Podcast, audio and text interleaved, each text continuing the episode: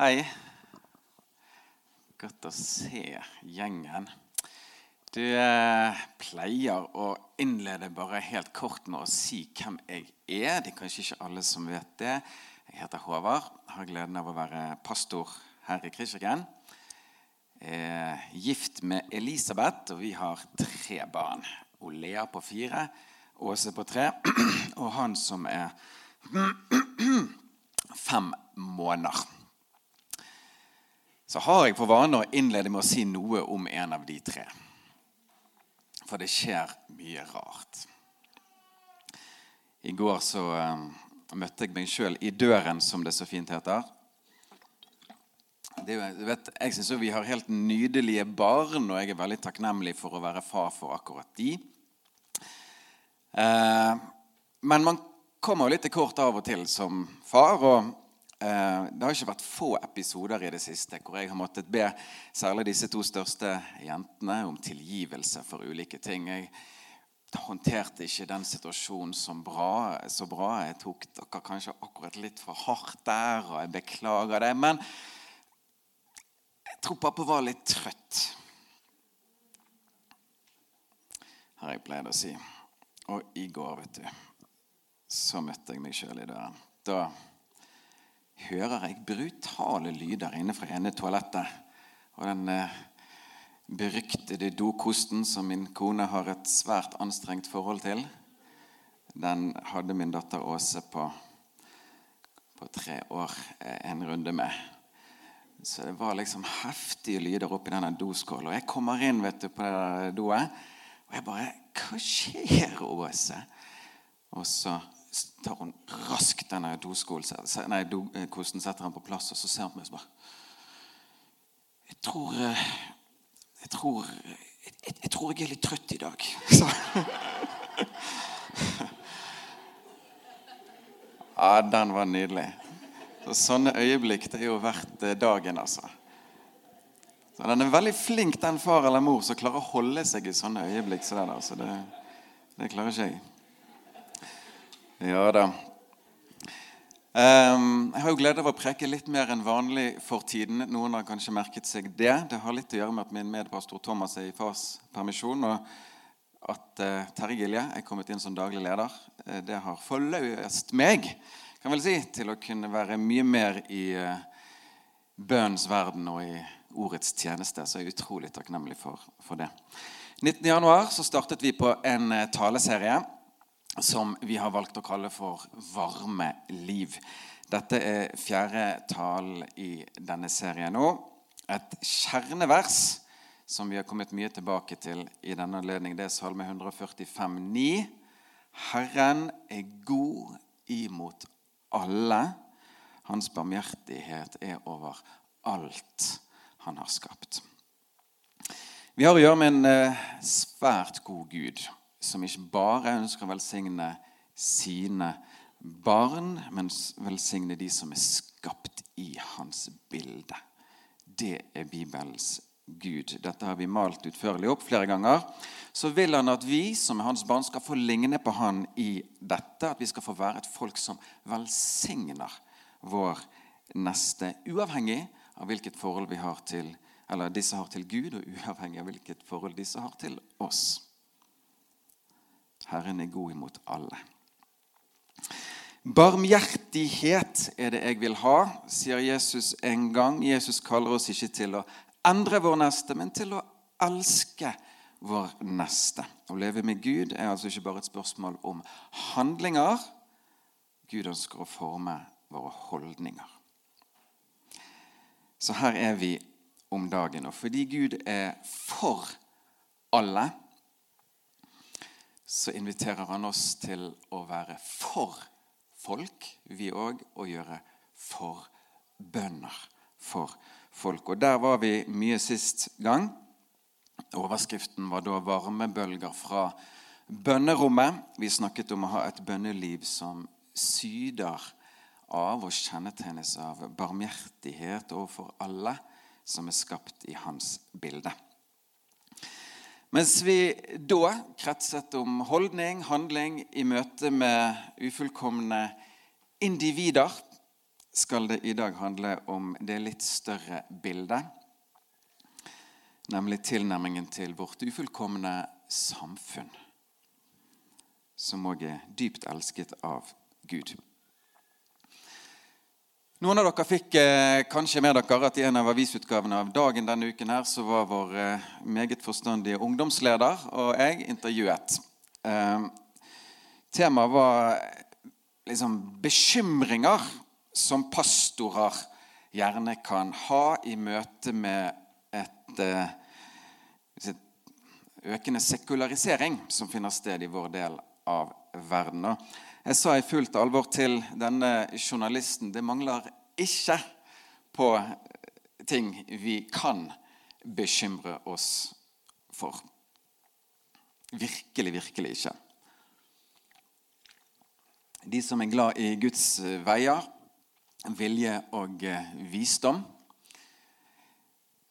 vil øyne at i dagens Norge så er det ganske mange ting som gir grunn til bekymring når man tenker på samfunnsutvikling.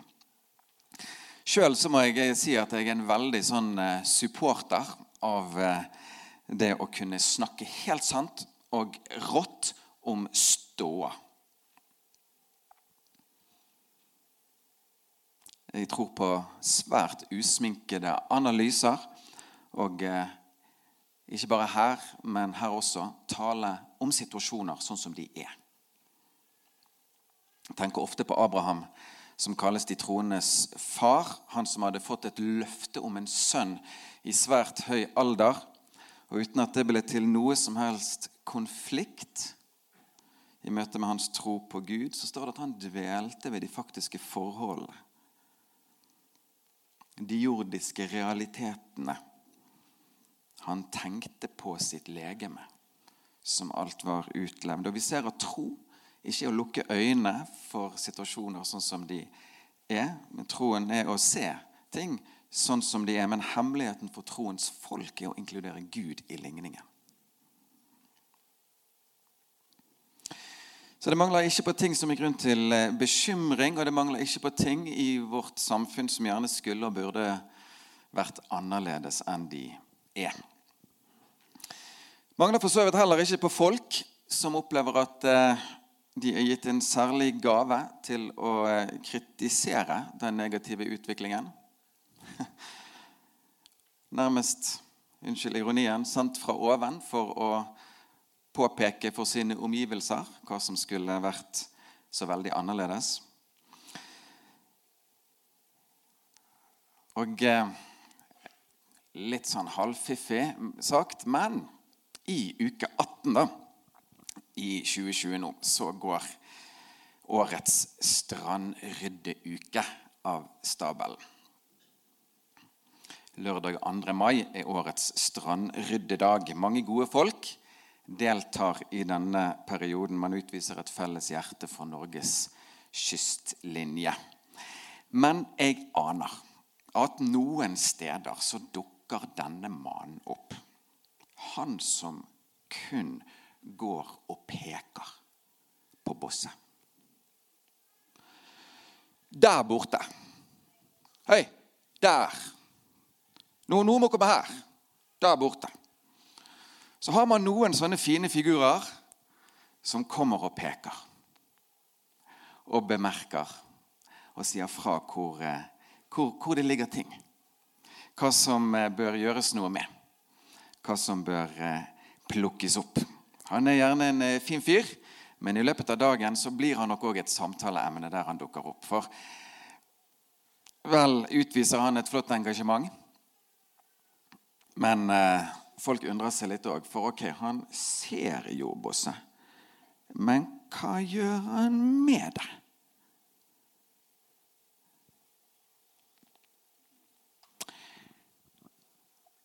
Inntrykket er jo at denne mannen her, han er en som står litt på avstand og kommenterer.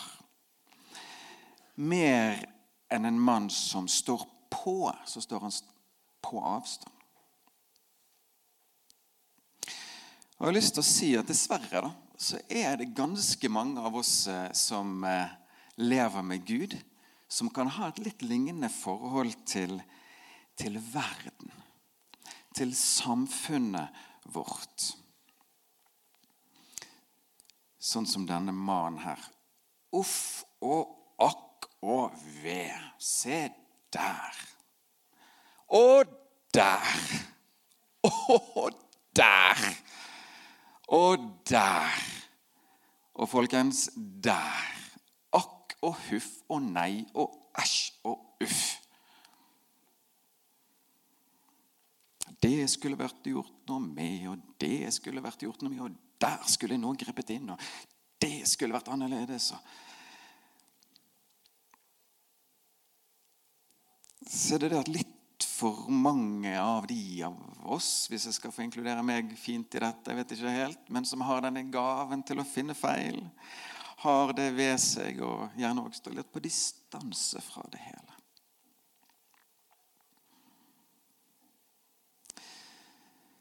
Har du merket hvor lett det er for eh, våre hjerter å fordømme det vi ikke er i berøring med?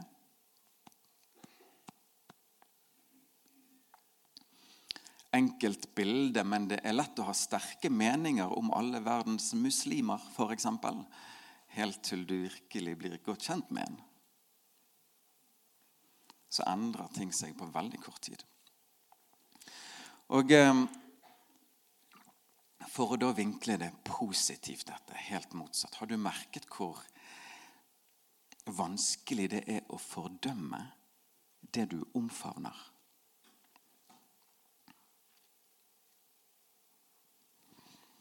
Det kjennes veldig motstridig å omfavne et lite barn samtidig som man på et vis fordømmer det. Jeg har brukt denne metaforen før, men menneskehjertet kan sammenlignes med stearin. Det kan være hardt som stein. Og det kan være mykt. Jesus snakker om harde hjerter. Hebrebrevets eh, forfatter skriver gjentatte ganger om dette med at 'forherd ikke deres hjerter'. Et menneskehjerte kan utvikle seg til å bli veldig hardt. Men hva er hemmeligheten da for at eh, hard stearin skal myknes opp? Hva må til for at materien skal kunne få bli myk og, og formbar? Litt djupt sagt, men hva skal til for at stearin skal la seg bevege?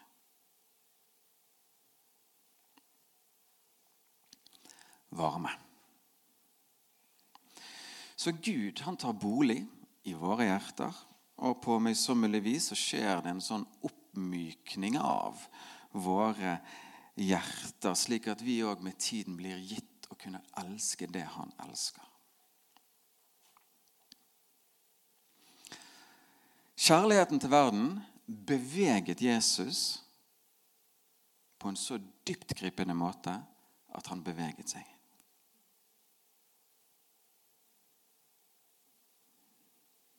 Det kalles involvering. Om noen kunne stått på avstand og pekt på søppel og feil og avvik på eh, vår eh, jordkule, så var det jo han. Men istedenfor å ta ut avstand, så tar Jesus ansvar.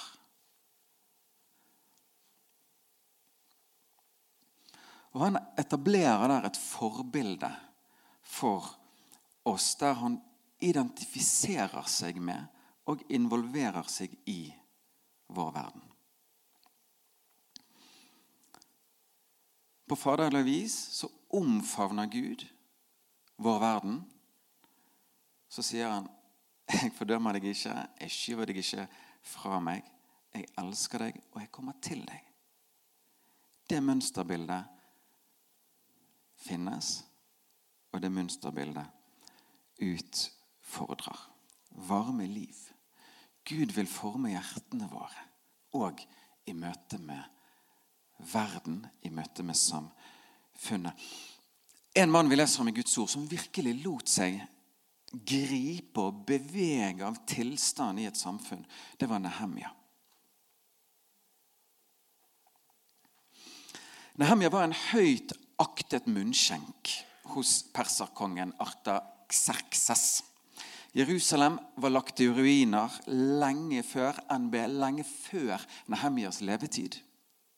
Han hadde aldri vært i byen og kjente ikke til noe annet enn livet i Babel. De var bortført.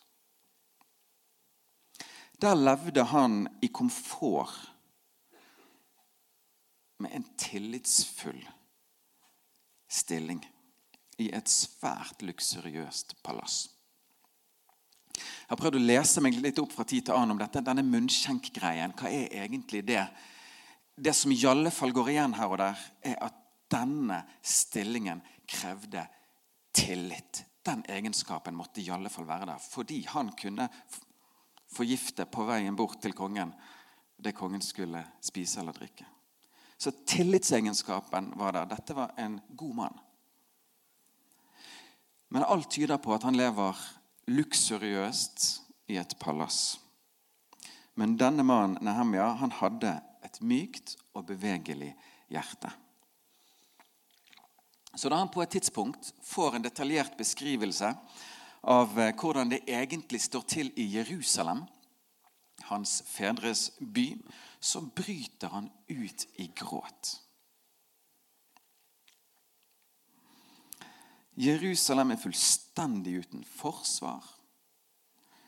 Murene er nedrevet. Byen er fritt vilt for hvem som helst og hva som helst.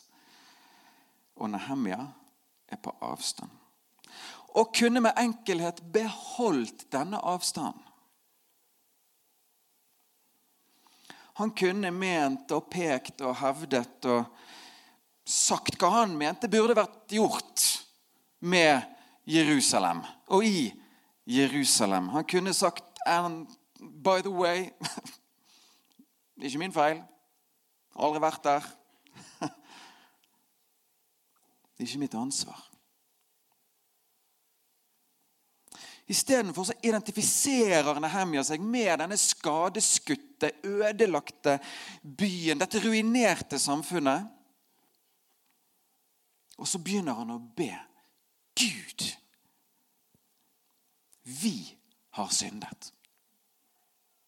Jeg og min fars hus.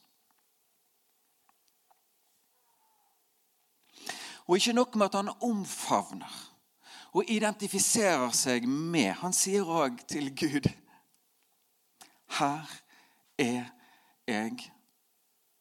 Om du vil, send meg. Identifisering og involvering. Lang historie kort. Nehemja får lov å reise av kongen. En berørt mann beveger seg fra det komfortable palasset til det komplette kaos i Jerusalem. Og den reisen, kjære venner, den reisen Nehemja gjør der, har en del sterke likheter med den reisen vår frelser tok. Han som ikke holdt fast ved de privilegier og den status han hadde. Men overveldet av barmhjertighet ga han avkall på det for å tjene.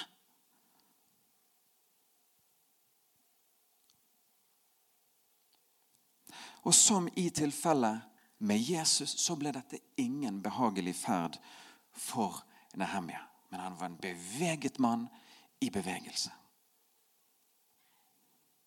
Nehemja og co. kan lese dette selvfølgelig sjøl, spesielt i seks første kapitlet er så mye trøblerier. Angrep fra innsiden, fra utsiden. Spott, mistenkeliggjøring, hån, hat. Det var alt annet enn behagelig for han. Men det var behagelig for Gud.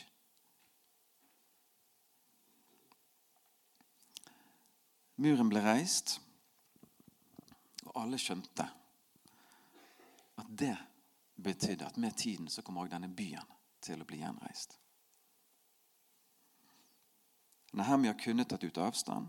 Istedenfor tok han ansvar.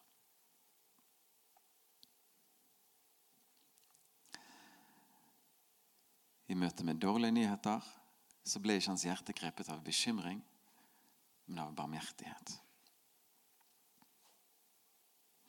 Og Vi skal merke oss to ting som måten Hemmy og gjengen arbeidet på. For det første hvor de arbeidet. Det står om flere at de bygget på den delen av muren som var rett foran sitt eget hus. Man tror om de gjorde seg ekstra flid.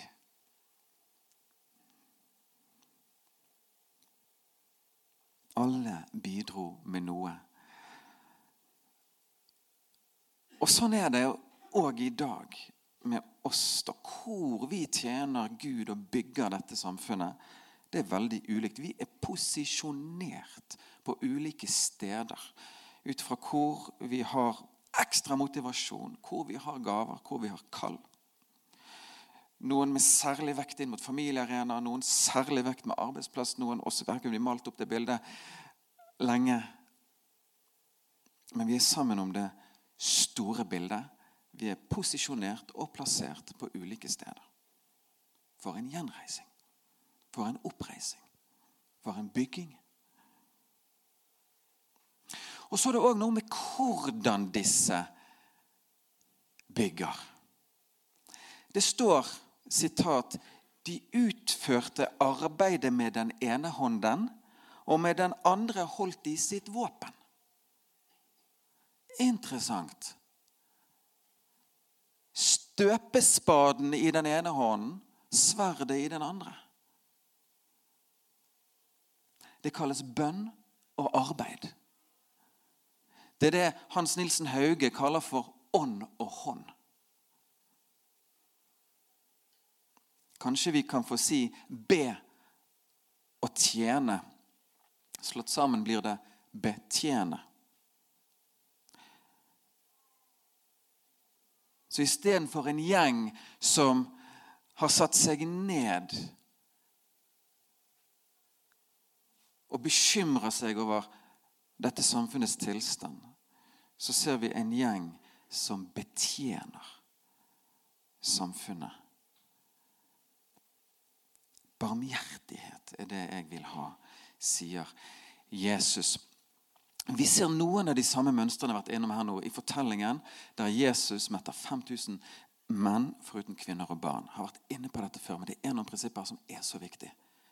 Ta de modig opp igjen. Disiplene blir stående halvt målløs overfor en stor bekymring. Vi er på et øde sted her. Det finnes ikke mat, og vi er veldig mange folk. Noe må gjøres, men det er jo absolutt ingenting vi kan gjøre.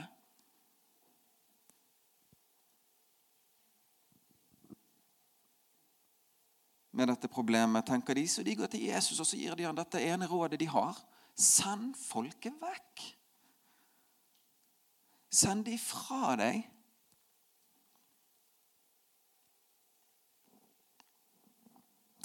Men Jesus' svar da, er sjokkerende for disiplene.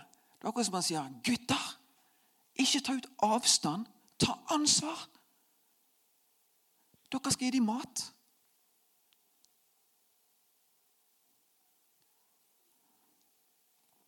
Og på kort tid så endrer Jesus deres fokus fra bekymring til betjening. Dere kan gjøre noe med det. Dere har noe å gi. Det de ikke så da, men det vi vet nå i ettertid, for det står i boken, er at grunnen til at Jesus møter det på denne måten, er at mannen er ikke full av bekymring. Han er full av barmhjertighet. Han var glad i dem. Og der kjærligheten er stor, så leter man òg etter løsninger der det finnes behov.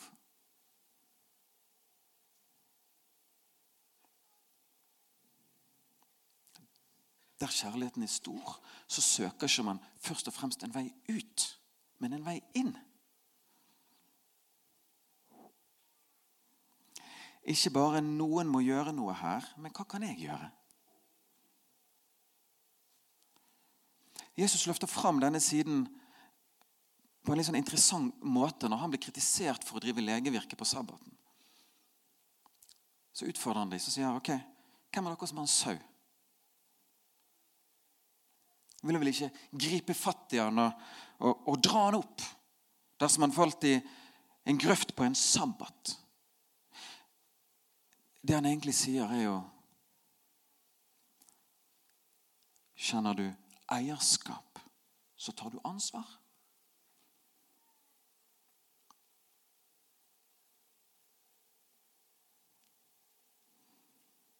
Er du grepet av kjærlighet til denne sauen, så griper du inn.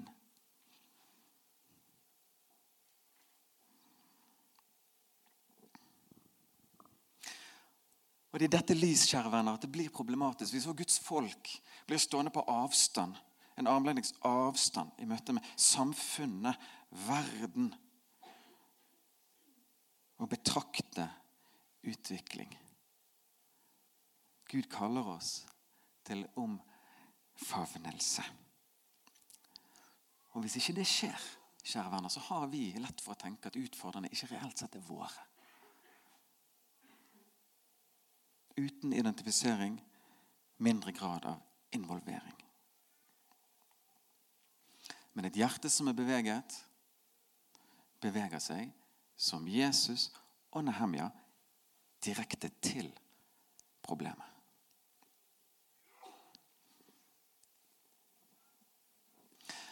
En annen samfunnsbygger da, som identifiserte seg med, involverte seg i et ufullkomment samfunn, var Daniel. Gamle testamentet. Han var i Babylon. Han hadde en betydelig tjeneste inn mot konger, ulike konger i Babel, og hadde i det lys definitivt en samfunnsbyggende støpespade i sin hånd. Men den siden ved Daniel Jeg har lyst til å bare trekke fram nå i siste del her er at Daniel var en bønnsmann. Det er fascinerende å lese Daniels bok, hvor mye bønn det er i de kapitlene der. Veldig mye om bønn. Det var det det som førte han til løvehulen.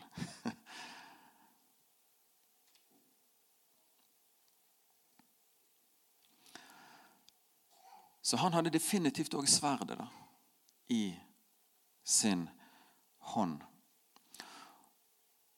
Og så står vi og arbeider på ulike steder på muren. Og det er akkurat sånn som det skal få være.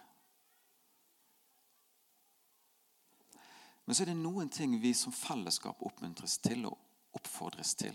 Og En av dem er å be for byen vår. Jeremia 29,7. Gud sier til israelsfolket, som på dette tidspunktet er bortført til nettopp Babel, søk den byens velferd som jeg har bortført dere til, og be for den til Herren. For når det går den vel, så går det dere vel. Og Det finnes veldig mange måter å be for en by på. Takk Gud for det. Men første Tim 2, da.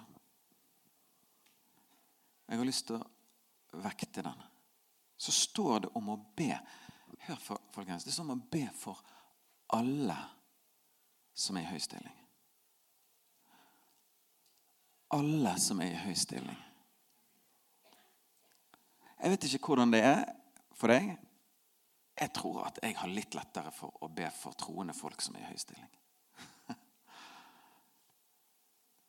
Iallfall til nå, hvis jeg kan få si det sånn.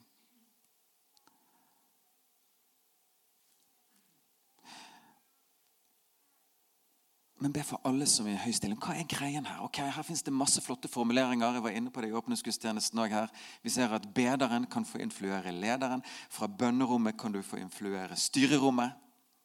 Du kan få øve innflytelse på de som har innflytelse gjennom bønn. Men hva er greien? Og Jeg hørte en som navigerte i disse tingene, og han sa det at det som skjer når du ber for ledere, det er at du utvider deres ressursbank, deres forråd, det de kan hente fra.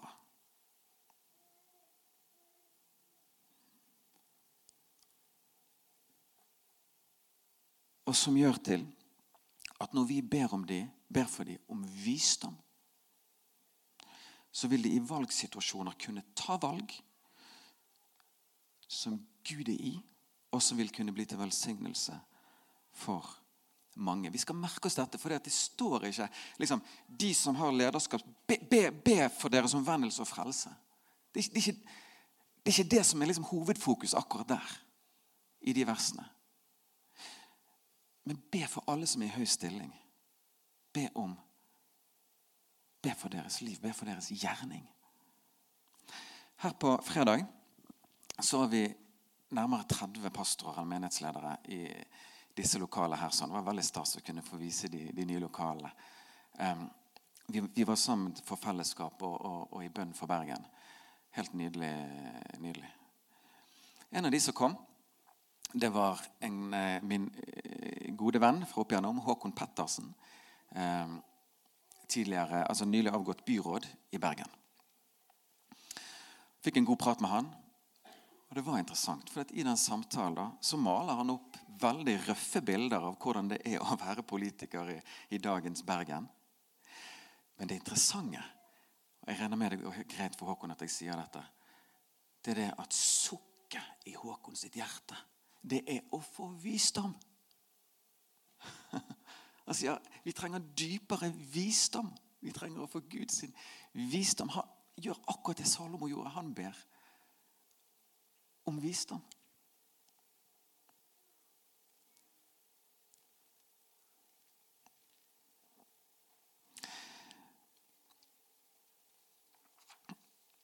Og Jeg er ikke helt sikre kilder på det jeg nå skal si, men jeg er blitt fortalt følgende.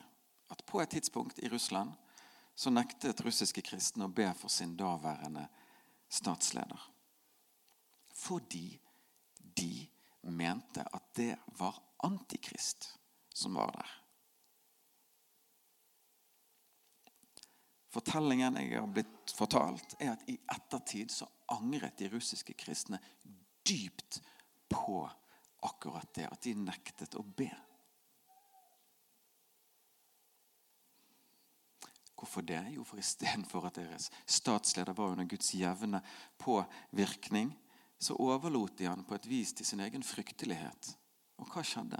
Han ledet fryktelig antikristelig. Jesus ba for overtredere, står det i Jesajas 53. La oss gjøre det samme. La oss være i forbønn for de som leder i samfunnet vårt.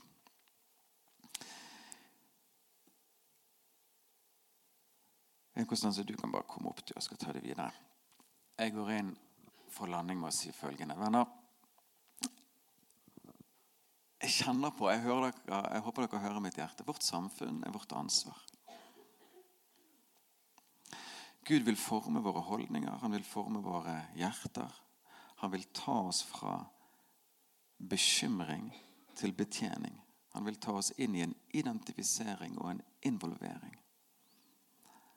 Han vil at vi skal ta eierskap. Vi er en del av dette. Vi skal ikke være på avstand. Vi skal ta ansvar.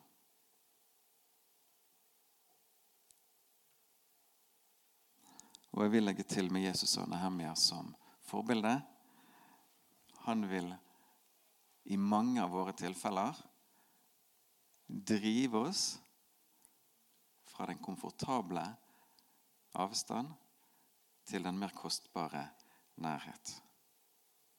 Det er mønsterbildet vi ser i Jesus Kristus.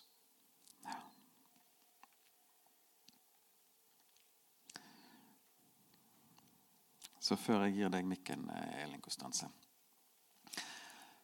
altså, Jeg hørte en som sa det sånn. Det utfordret tanken min litt. Da. Men det var en som sa det sånn at Gud er jo ikke overrasket over all synd som foregår i verden. Er det noe han er overrasket over, så er det at ikke det er mer. Det var sånn Oi, hva var det for en setning? Jo, men Gud kjenner til hvor dyptgripende menneskets problem er. Men det er òg derfor han har grepet inn og involvert seg. Og så går det som en rød tråd gjennom hele boken, i Gamle testamentet, i Nye testamentet, at lysets rike har aldri bedt om lyse og tjenlige omgivelser. Lysets rike vokser frem i mørket. Jesaja 60. Se, mørket dekker jorden, det er belgmørke over folkene, men over deg skal Herren oppgå. Over deg skal Hans herlighet åpenbare seg. Det er et mønster. Guds rike trenger ikke fantastiske omgivelser for å kunne vokse fram. Mørket kaller seg ved mange navn. Lyset har ett navn. La oss sørge for at lyset er tent i våre hjerter. At vi holder oss nær til en svært varm Gud, sånn at vi kan få være sånne varmekilder som eh, betjener inn i vårt samfunn, inn i vår verden.